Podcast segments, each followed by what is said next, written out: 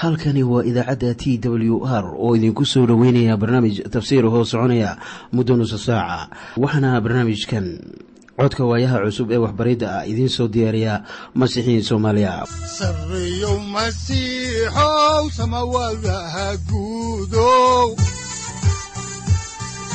Siraadkii adduunkow subanaha eebow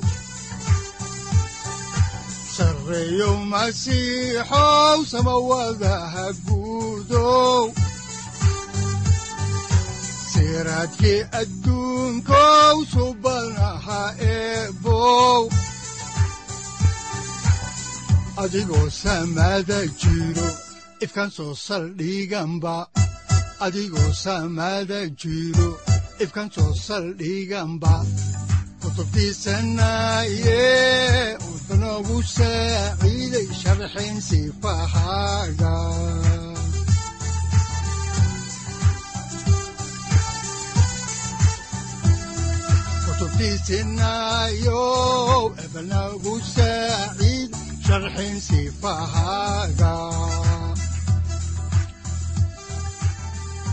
ku soo dhowaada dhegaystayaal barnaamijkeenna dhammaantiinba waxaannu horay u sii wadi doonnaa daraasaadkii la magac baxay baibalka dhammaantii.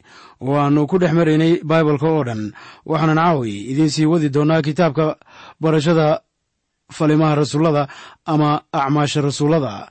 Kitaabkan acmaasha rasuulladu waa kitaab taariikhiya oo ay tahay in qof waliba wax ka barto si uu u garto taariikhda kitaabka axdiga cusub. Waxaanan caawa idiin sii wadi doonnaa cutubka siddeedaad oo aannu kaga gudbi doonno kan sagaalaad bikraba masiixii dhasho markaasaa la yaabo murjise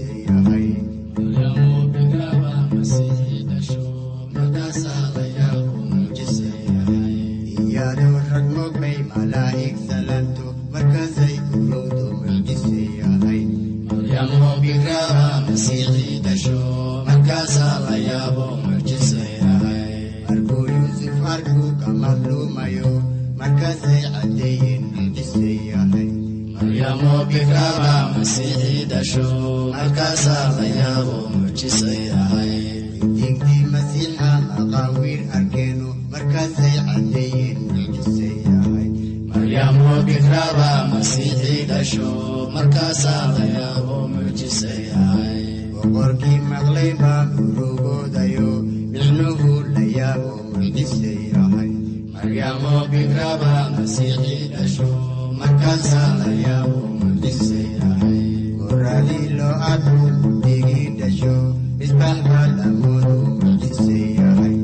Maria Love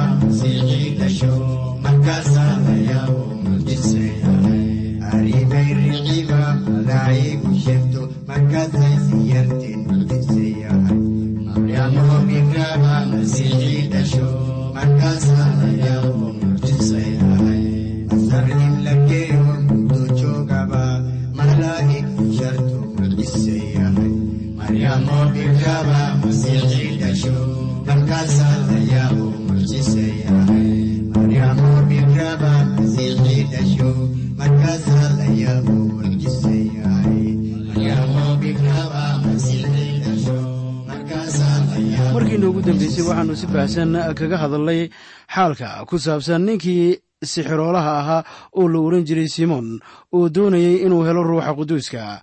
Waxa uu doonayey inuu ruuxa quduuska ku helo lacag si uu dadka ugu sii iibiyo. Laakiin butros oo garanaya fikraddiisa xun ayaa ku qiray dembigiisii waxaana rasuul yoxanaa iyo rasuul butros joogeen samaariya si ay injiilka halkaa u gaarsiiyaan una eegaan kuwii hadalka rumaystay haddaba injiilku waxa uu bilaabay safarkiisii uu ku gaarayey dhulka darafyadiisa waxaana uu ka bilaabanayaa yeruusaalem rasuulladu waxa ay joogeen yeruusaalem oo waxaa halkaa ka jiray kiniisad waxaana mar dhow xarunta loo weecinayaa antiyokh waxaanan haddana loo sii rarayaa efesos dabeetana waxa ay u soo baxayaan alexanderiya oo ay uga gudbayaan roma. Sida ayaa uu u faafi doonaa hadalkii ilaah waxa uu ka soo bilowday yeruusaalem waxa uu dabeete yimid samariya waxaana uu u gudbay antiyokh waxaana uu ku soo socdaa efesos iyo alexanderiya u malayn maayo maanta inay jirto xarun kiniisaddu leedahay oo waxa ay ku faaftay dunida guudkeeda. Waxaan rumaysanahay in aaladda ugu muhiimsan ee injiilka dadka lagu gaarsiiyo ay tahay xarumaha warbaahinta waana ay taasu siinaysaa kiniisadda awood weyn oo lagu dhammeeyo howl aan horay loo arag ilaa iyo bilowgii kiniisadda markaas oo injiilku soo gaaray waddamada caanka ahaa. Waxaanan iminka soo gaarnay maaddada ku saabsan filibos iyo bohankii reer etoobiya cutubkan ama aan idhaahdee cutubyada siddeed sagaal iyo toban. Ayaannu ku arkaynaa saddex dhacdo oo xusuus mudan oo toobadkeen ah waxaanan u malaynayaa in saddexdaa dhacdo loogu tala galay inay cashar wax ku oola inoo noqdaan. Cutubka siddeedaad waxaa laynagu siinayaa ama ku qoran hanuunkii bohankii reer etoobiya oo ahaa wiilkii xam cutubka sagaalaadna waxaa laynagu siinayaa hanuunkii sawloskii reer tarsos oo ahaa wiilkii sam cutubka tobnaadna waxaa ku qoran hanuunkii korneliyos oo ahaa boqolotaliyihii reer roma oo ahaa wiilkii yaafet waxaa markaa xusuusanaysaa in dadka bani aadanka ah oo dhan loo qeybiyey saddex qaybood. Mid waa qurun ahaan midna waa qabiil ahaan midna waa deegaan ahaan. Xam iyo sham iyo yaafet waxa ay ahaayeen wiilashii nuux waxaanan ogaanaynaa in injiilku gaarayo dadka saddexdaas wiil ay dhaleen ee ahaa kuwii ka soo farcamay abkow aadan oo weliba ka soo farcamay nuux oo isagoo laftigiisaba la odhan karo abkow nuux. Waxaad kaloo ogaanaysaa tusaale ahaan in hanuunku doonayo ama uu ku xiran yahay saddex baab. Saddexdaa baab waxa ay astaan u yihiin saddexdaa nooc ee toobadkeenka ah waxaana ay kale yihiin ruuxa quduuska ruuxa quduuska ah baa ninka filibos ah keenay samariya halkaasoo ruuxa quduuska ah ee rabbigu joogay. Dabeetana ruuxa quduuska ah waxa uu keenay isaga gaza waxaanan arkaynaa inuu haatan ku dhaqaajiyey qalbigii bohanka oo ahaa kii reer etoobiya. Ruuxa rabbiga ayaa sii hormaray si uu u diyaariyo niyadda ninkan oo uu u diyaariyo fariinwalahana haddaba in uu ruuxa quduuska ah ee rabbiga inuu hogaamiyo waa wax loo baahan yahay. Waxaa suuragal ah in ay jiraan kuwo badan oo ah howlwadeennada masiixa ee maanta oo howluhu aanay si hagaagsan ugu soconin. Maxaana ugu wacantaa waxaa ugu wacan inaanu ruuxa quduuska ah hogaaminaynin iyaga. Waxaan rumaysanahay in ay hagaagsan tahay marka hore in ilaah la weydiisto hogaamintiisa waa inaan marka hore ilaah kala hadalnaa qofka aannu wacdiyeyno intaynaan ilaah la hadlin ka hor. Ma ahan in aan nidhaahno ruuxa quduuska ah ha nagu hogaamiyo qofkaas iyo qofkaas. Waxaannu u baahannahay waxa weeye in ruuxa ilaah ina hor socdo oo uu jidka inoo sii diyaariyo si uu inoogu hogaamiyo halka ruuxu joogo. Taasina waa aasaaska toobadda oo waxaan ogaanaynaa in la isticmaalay hogaaminta ruuxa. Hadday noqon lahayd hanuunkii ninkan bohonka ah sawloskii reer tarsos ama korneliyos tan labaad waxaannu eegaynaa baabka labaadee ah hadallada ilaah. Iminkana waxaannu eegaynaa baabka labaad ee ah hadallada ilaah. Waxaannu eegaynaa saddexda baab ee looga baahan yahay in marka hore diyaar lala ahaado marka qof ilaah loo keenayo ama la wacdiyayo warqaddii reer rooma cutubka tobnaad aayadda toddoba iyo tobanaad ayaa waxaa qoran sida tan. Haddaba rumaysadku wuxuu ka yimaadaa maqlidda. Maqlidduna waxa ay ka timaadaa hadalka masiixa. Tan labaad ee ahmiyadda leh ayaa lagu tilmaamaa in ay tahay hadalladii ilaah ruuxa quduuska ahi waxa uu soo qaadayaa waxyaabaha masiixa waxaana uu u muujinayaa shakhsiyaadka waa ruuxa ilaah kan isticmaalaya hadallada ilaah. Habase yeeshee waa in uu jiro qof warka gaarsiinaya oo bani aadanah waxaa kaloo loo baahan yahay ama baabka saddexaad noqonaya qofka ilaah ka cabsada. Ruuxa ilaah waxa uu isticmaalayaa qofka ilaah ka cabsada ama adeegihiisa ah oo hadalladii ilaah gaarsiiya dadka si qof ilaah ka cabsada loo helo oo mar kala dhashay. Waxaannu arki doonnaa iyada uu saddexdaa baab loo isticmaalayo marka filibos iyo bohankii reer etoobiya ay waddada ku kulmaan. Qaybtan labaad ee cutubka siddeedaad ayaa ina keenaysa qayb kale oo ah adeegii filibos injiilka wuxuu tegey samaariya waxaana jira kuwo badan oo hadalka rumaystay. Laakiin waxaannu ku aragnay in samaariya markii rasuulladu yimaadeen ay halkaa kula kulmeen nin kiniisadda jooga waxaana uu qofkaasu ahaa simoonkii sixirowga ahaa. Iminkana haddaan umuurtaa ka duwan idin dareensiiyo. Ayaannu eegaynaa filibos iyo ninkii etoobiyaanka ahaa. Filibos waxa uu ninkan etoobiyaanka ah ku hogaamiyey masiixa waxaana uu noqday mid ilaah rumaysan oo noqday nin wanaagsan. Haddaannu horay idinku sii wadno xigashada kitaabka falimaha rasuullada cutubka sideedaad aayadda lix iyo labaatanaad ayaa waxaa qoran sida tan. Laakiin rabbigu malaa'igtiisa ayaa waxa ay la hadashay filibos iyada oo ku leh kac oo aad xagga koonfureed oo waxaad raacdaa jidka yeruusaalem ka taga ilaa khaza taasoo cidlada ah. Samariya waa meel dhanka waqooyi uga beegan yeruusaalem iminkana filibos waxaa loo sheegay inuu aado dhanka koonfureed. Waxaannu garanaynaa in marinka khaza uu ku beegan yahay dhanka koonfureed ee duleedka badda mediteraneanka waddadaasu waa tii baayac mushtarigu mari jiray marka ay qabanayaan dalka masar iyo etoobiya marka waxay ahayd in uu soo dhex maro yeruusaalem si uu ku gaaro halka uu u socdo. Filibos waxa uu la hadlayey dadkii badnaa ee reer samaariya oo iminkana waxaa loo soo diray lamadegaanka waxay ahayd inuu tago halka ruuxu marayo oo ah lamadegaanka aan cidi joogin. Markaana markii uu halkaa gaaro waxa uu arki doonaa qof ay tahay inuu ilaah uga markhaati furo. Haddaan horay idinku sii wadno xigashada kitaabka falimaha rasuullada ayaannu haatan eegaynaa cutubka siddeedaad aayadaha toddobiyo labaatan ilaa siddeed iyo labaatan waxaana qoran sida tan. Wuuna u kacay oo aaday oo waxaa soo baxay nin bohona oo xabashiya oo amar weyn ka hoos hayay kandhake boqoraddii xabashida wuuna u telin jiray maalkeeda oo dhan oo waxa uu yeruusaalem u yimi inuu ilaah caabudo. Kolkuu ka soo noqonayay ayaa uu ku fadhiyey gaari faraskiisa oo waxa uu akhriyayey kitaabkii nebi isayos waxaannu akhrinay haddaba in ninkanu ahaa etoobiyaan kaasoo wakiil uga ahaa hantida ay lahayd boqoraddii etoobiya waxa uu ahaa sida abbaarta ah xogayaha maaliyadda oo ahaa sarkaal sare.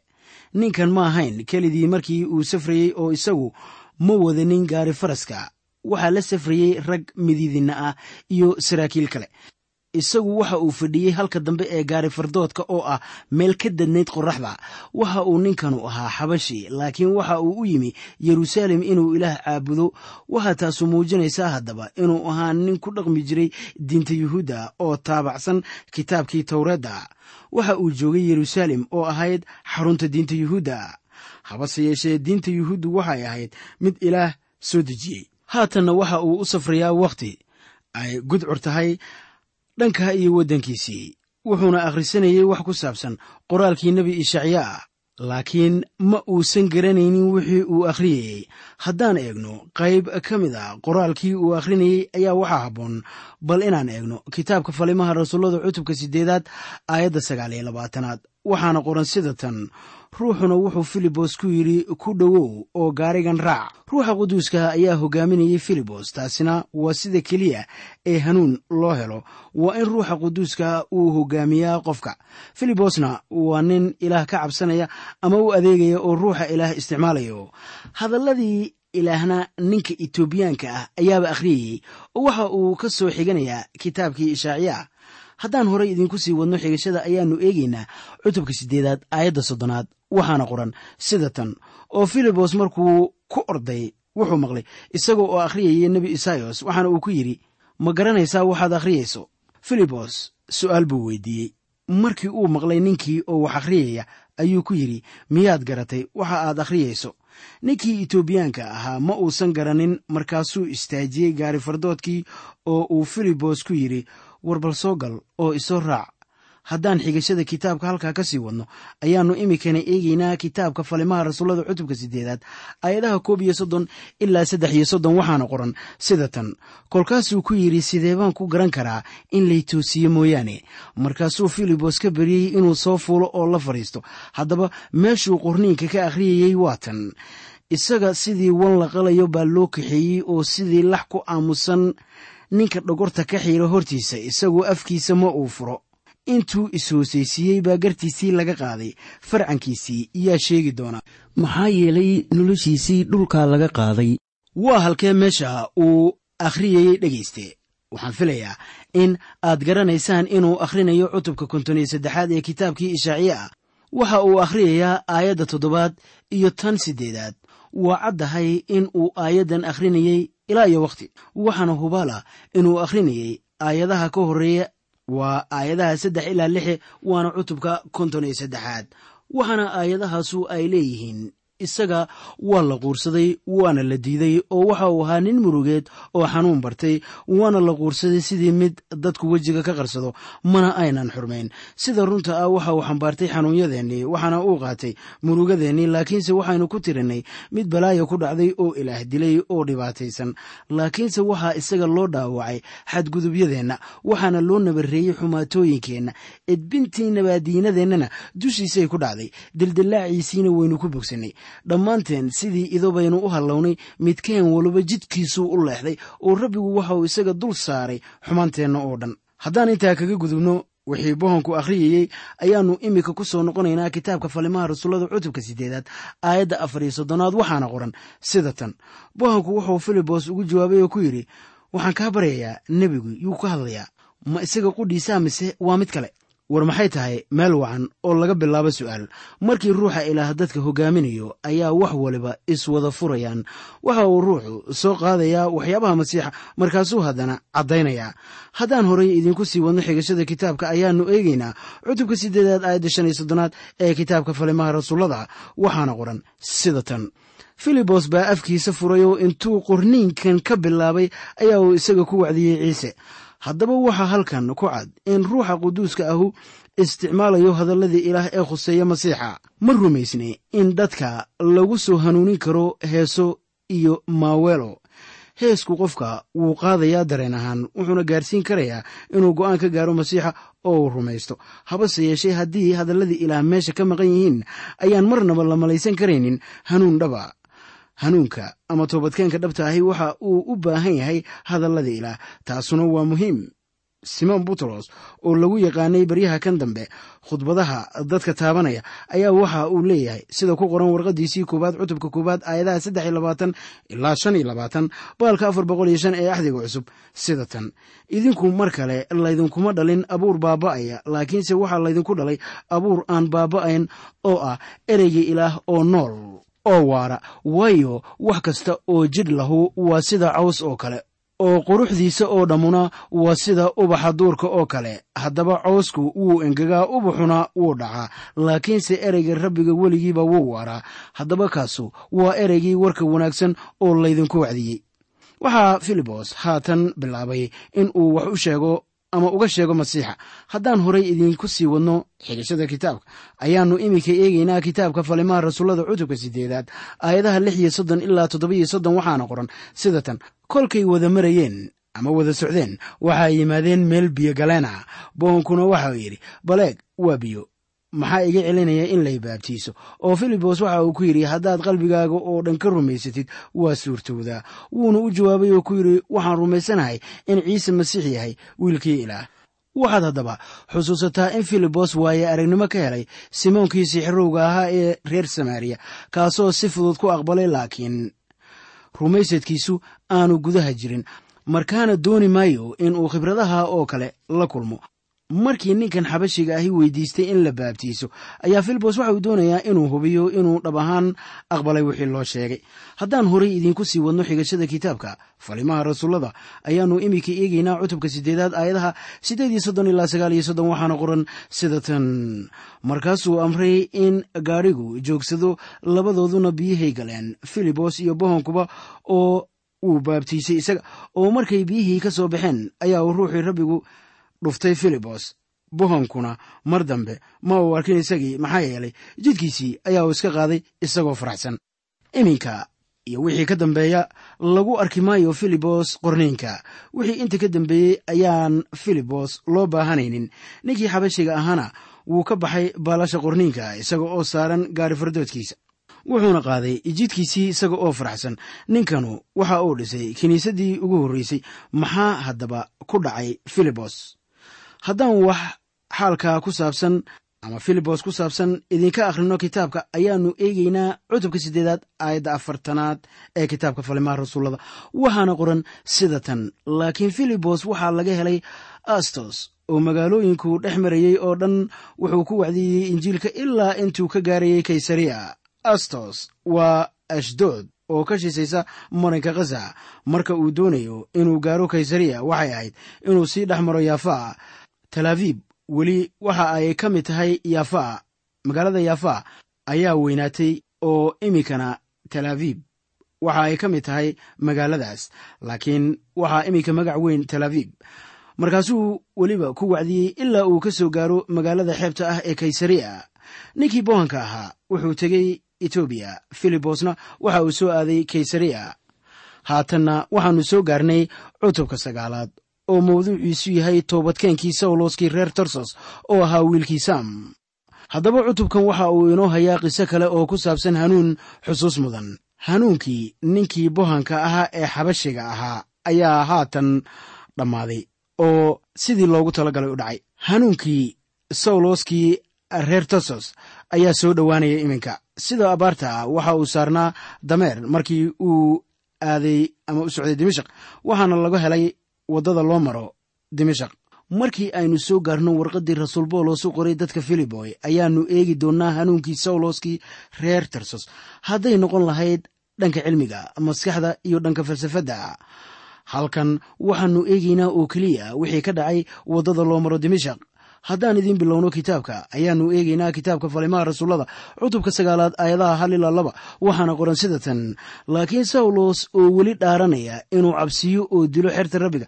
Ayaa waxa uu u tegey wadaadkii sare oo weydiistay warqado uu la tago dimashaq ilaa sunagogyada si hadduu helo dadkii jidka ha ahaadeen rag ama dumarba e uu iyaga oo xidhxidhan yeruusaalem u keeno. Waxaannu aragnay markii stefanos la dilay in rasuulladii kala yaaceen badankood. Filibos waxa uu joogay samariya iyo xeebaha badda mediteraneanka habase yeeshee rasuulladii qaar baa ku haray yeruusaalem markaana madaxdii diinta ee reer yeruusaalem way ku qanceen xaalku siduu ahaa. Mana ayan doonayn inay sii raadsadaan oo la sii dagaalamaan masiixiyiinta. Laakiin bawlos oo nacayb weyn u hayay kiniisadda iyo ciise masiix ayaa qasadkiisu ahaa in uu laayo masiixiyiinta oo dhan oo waxa uu doonayey inuu god weliba ee ay isku qarinayaanba ugu galo. Haddaan xigashada kitaabka halkaa idiinka sii wadno ayaannu eegaynaa iminka. Cutubka sagaalaad aayadaha saddex ilaa afar waxaana qoran sida tan.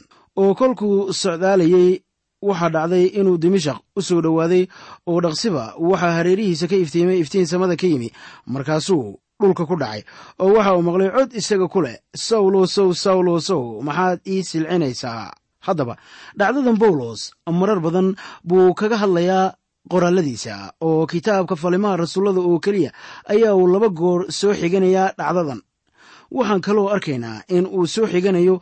Markaan gaarno warqaddii reer filiboy halkaasoo uu ku sheegayo wixii isaga ku dhacay.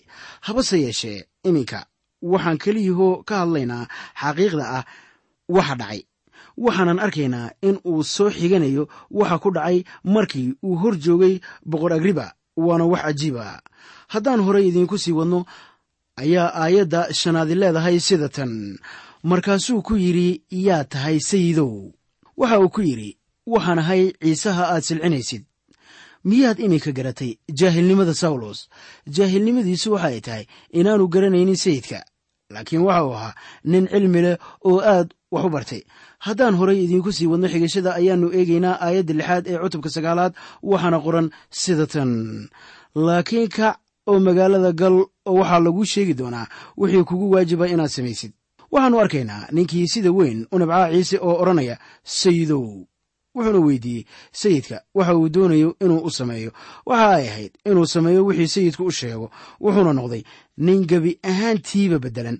Haddaan horay idiinku sii wadno xigashada kitaabka falimaha rasuullada ayaannu eegaynaa cutubka sagaalaad aayaddiisa toddobaad waxaana qoran sida tan nimankii la socdaalayeyna hadal la'aan bay istaageen oo iyaga oo codkii maqlaya laakiin aan nina arkaynin waxaannu casharkeenna caaway ku soo gunaanadaynaa cutubka sagaalaad aayadaha siddeed ilaa labayo toban. Waxaana qoran sida tan.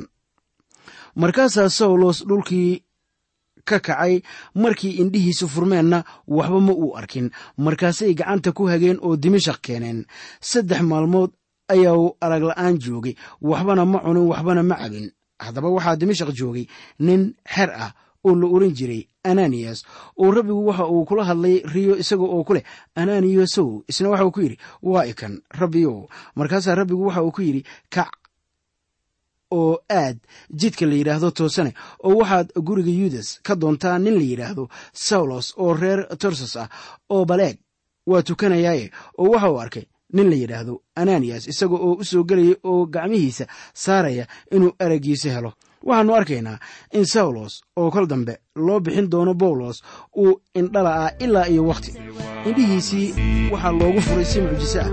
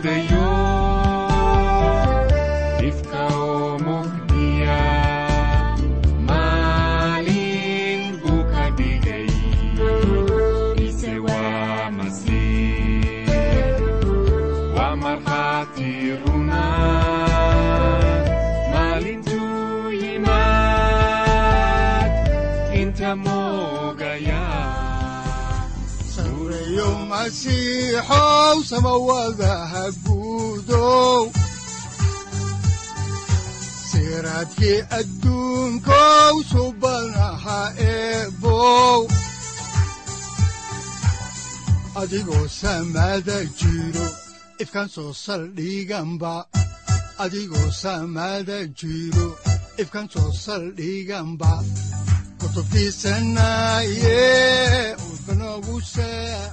halkani waa t w r idaacadda t w r oo idinku leh ilaa ha idin barakeeyo oo ha idinku anfaco wixii aad caawi ka maqasheen barnaamijka. Waxaa barnaamijkan oo kalea aad ka maqli doontaan habeen dambe. Hadahan oo kale haddiise aad doonaysaan in aad fikirkiina ka dhiibataan wixii aad caawi maqasheen ayaad nagala soo xiriiri kartaan som t w r at t w r c o k e. Haddii aad doonaysaan in aad dejisataan oo kaydsataan barnaamijka ama aad mar kale dhegaysataan fadlan mar kale booqo www t w r o r g. Amase www t t b t w r o r g. Amase waxaad teleefoonkaaga ku kaydsataa ama ku download garaysataa agabyada ku sahli karaa dhegeysiga t w r haddii aad doonayso in laga kaalmeeyo dhinacyada fahamka kitaabka amase aad u baahan tahay duco fadlan fariimahaaga soo mari bogga aaraahda ama kommentska inana jawaab degdeg ah ayaanu ku soo diri doonaa amase ku siin doonaaye.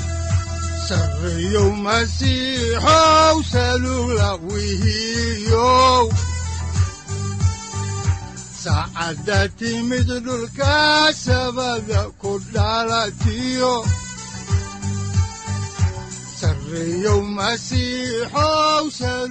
halkani waa t w r oo idiin rajaynaya habeen baraare iyo barwaaqaba leh inta aynu ka gaari doono wakhti aynu ku kulanno barnaamij la mida kan caawayay aad maqasheen waxa aan idinku leeyahay nabadda ciise masiix ha idinku badato xagga jirka iyo ruuxaba aamiin